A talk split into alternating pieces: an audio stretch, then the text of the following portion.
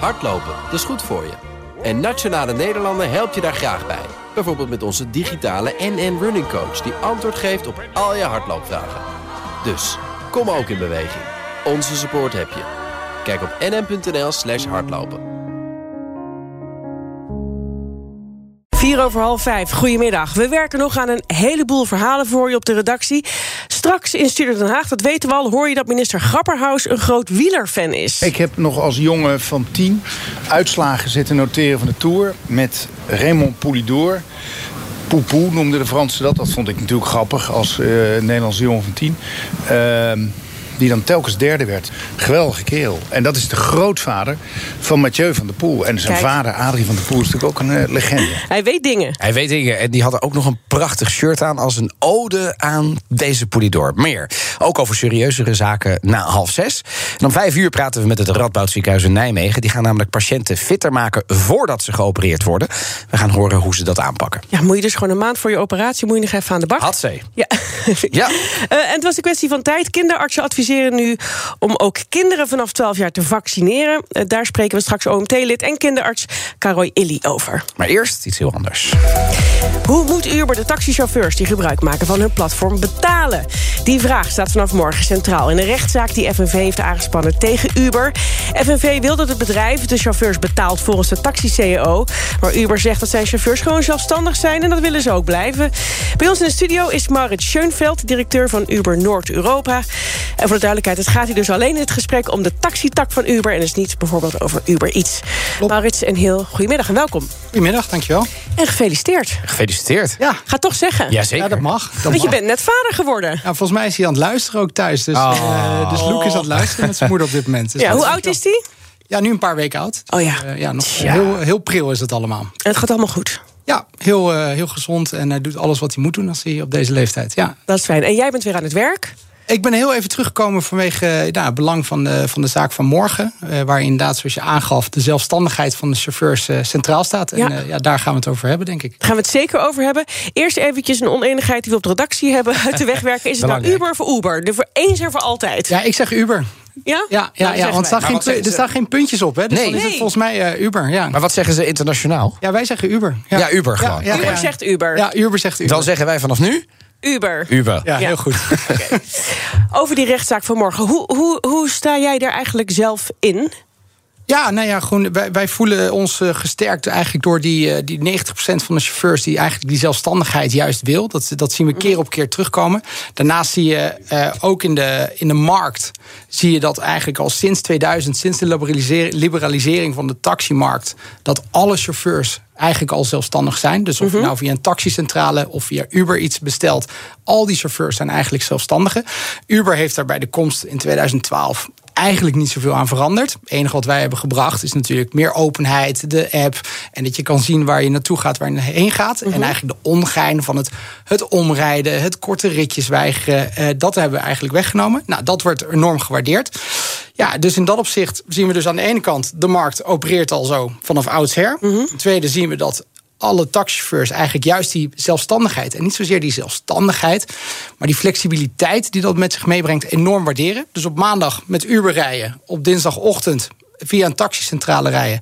om dinsdagmiddag, als het lekker weer is... je kind van school op te halen en lekker naar het strand te gaan. Ja. En dat is echt een flexibiliteit die enorm ge- gewaardeerd wordt. De vraag is natuurlijk, doet het ertoe dat ze zelfstandig willen zijn? Nou ja, ik denk het wel. Ik denk wel dat als je gaat kijken naar wat, wat de persoon in kwestie wil, dat het van belang is welk doel dan zo'n rechtszaak dient. En Ja. Maar weten ze dan weten ze wat ze zeggen als ze zeggen... wij willen zelfstandig zijn? Kortom, is ze de rekensom voorgelegd... hoe hun leven eruit zou zien als ze in loondienst zouden zijn? Nou ja, ik denk, ik denk A, dat je moet kijken naar, naar, naar de feiten. Ik denk dat, dat eh, de tegenpartij soms veel dingen roept, maar weinig dingen staaft met feiten. De tegenpartij is de FNV in deze. De FNV in deze. ja. Wij zien gewoon dat, eh, dat chauffeurs een prima boterham kunnen verdienen. Ik moet wel natuurlijk bij wij zeggen dat corona echt een heftig jaar is geweest voor alle chauffeurs. Iedereen Mhm. die natuurlijk in de vervoer of toeristenindustrie zit, heeft het gewoon enorm pittig gehad. Maar we denken dat de, de, de basisinkomsten goed zijn. Wat we wel zien, en denk ik dat we daar ook stappen in willen zetten en al hebben gedaan, is dat het beschermingsniveau van die zelfstandigen omhoog moet. Nou, dat is een discussie die jullie ook wel hier eens hebben gevoerd. Zeker. Gaat niet alleen om Uber-chauffeurs, maar gaat eigenlijk om die 1 miljoen zelfstandigen in Nederland die op die manier inkomsten genereren. Nou, daar willen we stappen in zetten. En dan kan je denken, nou, misschien inderdaad naar een minimuminkomen, naar, ehm, naar een pensioenvoorziening, naar een ongevallenverzekering. Maar wat je keer op keer ziet, is dat wij graag dat gesprek aan willen gaan. Ook in Den Haag, ook met de FNV. Maar dat de FNV terugvalt eigenlijk op dat werknemer-werkgever relatie. En dat het dus heel moeilijk is om dat te overbruggen op dit Ja, moment. maar in Groot-Brittannië, er zijn meerdere rechtszaken natuurlijk tegen, Ja. eh, tegen Uber. In Groot-Brittannië hebben jullie het verloren. Alleen hebben ze daar een soort tussenvariant. Daar hebben ze de term workers. En dan zit je tussen het vaste contract en de zelfstandige in. Dus dan moet je inderdaad als, als werkgever wel een aantal kosten betalen. Maar je bent niet, zit niet helemaal vast zeg maar, aan die werknemer. Ja, Kennen we hier niet. Zou je ervoor pleiten eigenlijk? Dat is wel wat voor Nederland, zo'n constructie. En dan zouden wij daar ook voor tekenen? Nou, je maakt er een inkoppertje bijna van. Maar ik denk wel dat het systeem zoals we het in, in het Verenigd Koninkrijk hebben... eh, ja, voor ons ook geschikt zou zijn. Ik bedoel, gaat niet zo makkelijk, want dan moet je echt het systeem aanpassen. Maar dat je de flexibiliteit en de toegang tot werk via platformen en zelfstandigen behoudt. Maar dat je het beschermingsniveau omhoog tilt, is denk ik exact de uitkomst die wij ook graag willen zien. En daarom denk ik ook dat bij ons intern er niet wordt gekeken naar. Het is een verlies wat we hebben gehad in het Verenigd Koninkrijk. Koninkrijk. Ik denk dat het meer is geweest. Er is nu eindelijk duidelijkheid over wat de status is. En nu kunnen we daarop doorbouwen. Ja, Nou, toch daar- hebben jullie wel helemaal doorgevochten tot aan de Hoge Raad. hè? Dus Nou, goed, zijn om die meteen, duidelijk- om- niet meteen we gaan liggen bij. Ik vond het niet meteen een goed idee, zal ik maar zeggen, wat, hè, van de uitkomst. Jullie zijn Nou, wel doorgegaan. Wat je nu ziet is dat Uber die stap heeft gezet. Hebben we voortvarend gedaan. We hebben daar ook een akkoord gesloten met de vakbonden om daarop door te pakken. Mhm. Nou, dat is stap 1. Nou, nu zie je wel dat het zo is dat op het ene moment, als je bij Uber rijdt, dus inderdaad die voorzieningen er zijn. Maar als je een seconde later via een andere app of zelf rijdt, is er helemaal niks. Nou, dat is een situatie die ik denk die wij willen proberen te voorkomen. Laten we nou zien, laten we nou proberen als land, als maatschappij en ook als Uber dat de hele markt zich aanpast. En dat we allemaal gaan kijken wat we kunnen doen om die, om die beschermingsniveau om, omhoog te krijgen. Want anders krijg je die onwenselijke situatie van. Ene moment wel verzekerd, andere moment niet. Ander moment wel gegarandeerd inkomen, ander moment niet. Nou, en daar moeten we denk ik vanaf. Ja. En ik denk dat je dat als een groep of maatschappij moet aanpakken. Je luistert naar BNR in de middag. We praten met Maurits Schoenveld, directeur van Uber Noord-Europa. Ja, en de vraag is natuurlijk ook... In hoeverre is het echt een keuze van deze chauffeurs om op deze, deze mate flexibel te zijn? Hè? Als ze bijvoorbeeld eerst op de meter reden en ze zien dat het een beetje traag loopt, nou dat, dat is logisch, want die ritjes zijn duurder voor klanten. Klanten kiezen dan voor Uber. Dan zet je automatisch de Uber-app aan. Dan ben je dus ook meer gedwongen om daarvoor te rijden. Dus de vraag is natuurlijk, hoe zelfstandig kun je die keuze werkelijk maken dan als chauffeur? Ehm, nou ja, de keuze is, is, is in dat opzicht. Het is niet alleen Uber in de markt. Er zijn ook andere platformen actief. Er zijn ook andere partijen. Je hebt meerdere eh taxicentrales waar je actief kan zijn. Het concept van Uber is wel echt anders dan de taxicentrale. Wij geloven erin dat het beter is om drie eh, goed geprijsde ritjes te doen in een uur. In plaats van één hele dure waar je twee uur stilstaat. Ja, Ja. dat is een beetje het verschil tussen de taxicentrale en de platformen. En daarin ja, kan je een keuze maken. En die keuze is aan de chauffeur. Ja, heeft u ook voor deze rechtszaak nog moeten overleggen hoe jullie algoritme werkt? Eh, ja, we gaan daar, daar gaat inderdaad op, eh, op ingegaan worden. En dat gaat voornamelijk over eh, ja, hoe de ritten worden toegewezen. En nou ja, dat is eigenlijk, ik vind het altijd vrij simpel uit te leggen. Het gaat erom wie, wie, wie, ja, het wordt een soort batch matching, wordt het heel technisch. Maar het gaat er eigenlijk om dat als groep, dat je probeert zo kort mogelijke aanrijdtijd voor iedereen te creëren.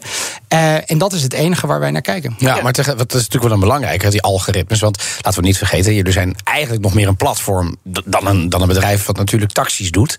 Jullie zijn Ja. een platform. Ja. En dat platform heeft algoritmes, want zonder die algoritmes kun je niet. En het lijkt mij als werknemer. Of freelancer, maar dan hè, ook voor jullie werkt het. Wel heel fijn dat ik weet hoe dat nou precies werkt. Maar 100% openheid lijkt me dan weer lastig voor jullie. Nou ja, en je ziet eigenlijk dat, dat die openheid wel gegeven kan worden. Want het is eigenlijk niet zo heel ingewikkeld. Eh, Als we het over algoritmes hebben, wordt het altijd een beetje een soort Big Brother. Oh, het is allemaal heel spannend, black box. Ja, zo zien wij dat niet. We hebben daar Maar er is een best wel rechtszaak openheid over. aangespannen, ook hier in, in Nederland, want hier zit Ja. dan het, eh, het, het hoofdkantoor. Eh, juist om, om inzage in die algoritmes te krijgen. Ik weet niet of dat Of dat inmiddels afgelopen is. Dat was eind vorig jaar geloof ik dat daarmee moet- ik moet begonnen eerlijk was. zeggen dat ik de hoed en de rand niet precies weet van Want je eh, zou hoe zeggen, dat zodra werkt. mensen die rechtszaak aanspannen... kunnen jullie natuurlijk gewoon zeggen... joh, daar is helemaal geen rechtszaak voor nodig. Wij zijn van de transparantie, hè, zoals je ook al eerder in het interview aangaf. Alsjeblieft. Nou ja, goed, en dat is ook zo. Dat hebben we ook op onze website. Op de blog kan je gewoon lezen hoe het algoritme werkt. En wordt het eigenlijk eh, vrij helder uitgelegd. En dat zullen we in de rechtszaal nog een keer herhalen. Maar geloven die mensen jullie dan niet? Nou, is dat kijk- het? Want dat zijn, er zijn gewoon medewerkers die die rechtszaak aanspannen. Britse medewerkers in dit geval. Ja, en ik denk dat je daar gewoon ziet dat er een, een, en precies zoals jij ook aangaf, dat er een verschil is tussen wat je weet en wat je denkt dat het, wat, dat, hoe het werkt. Ja, of dat je in de taxi zit en denkt: hé, wat raar. Ik, ik, ik, ik dacht dat ik net een klant zag en nu zie ik hem niet meer. Dat kan, omdat het natuurlijk allemaal softwarematig en dus vaak algoritmes zijn, kan ik me heel goed voorstellen dat je hebt er wat minder vat op natuurlijk. Vroeger werd je gewoon gebeld. Ja. Het was een ja of een nee. En Ja. nu, nu is het toch. Nou, je, ziet, je ziet eigenlijk dat dat de toekomst ook wel een beetje is. Dat Mhm. we proberen te optimaliseren van het platform. En dat is eigenlijk dat de, de totaal aantal ritjes... wat je als groep chauffeurs kan doen... dat je dat probeert te optimaliseren. Dus dat iedereen zoveel mogelijk omzet genereert. En dat is in dat opzicht in het belang van de chauffeurs. Ja. Maar ook in het belang van Uber. Stel, de rechter die zegt, eh, nou niet morgen, want morgen begint die rechtszaak, maar over een aantal weken. Ehm, ja, het doet er inderdaad, ja, maanden. Eh, jaren.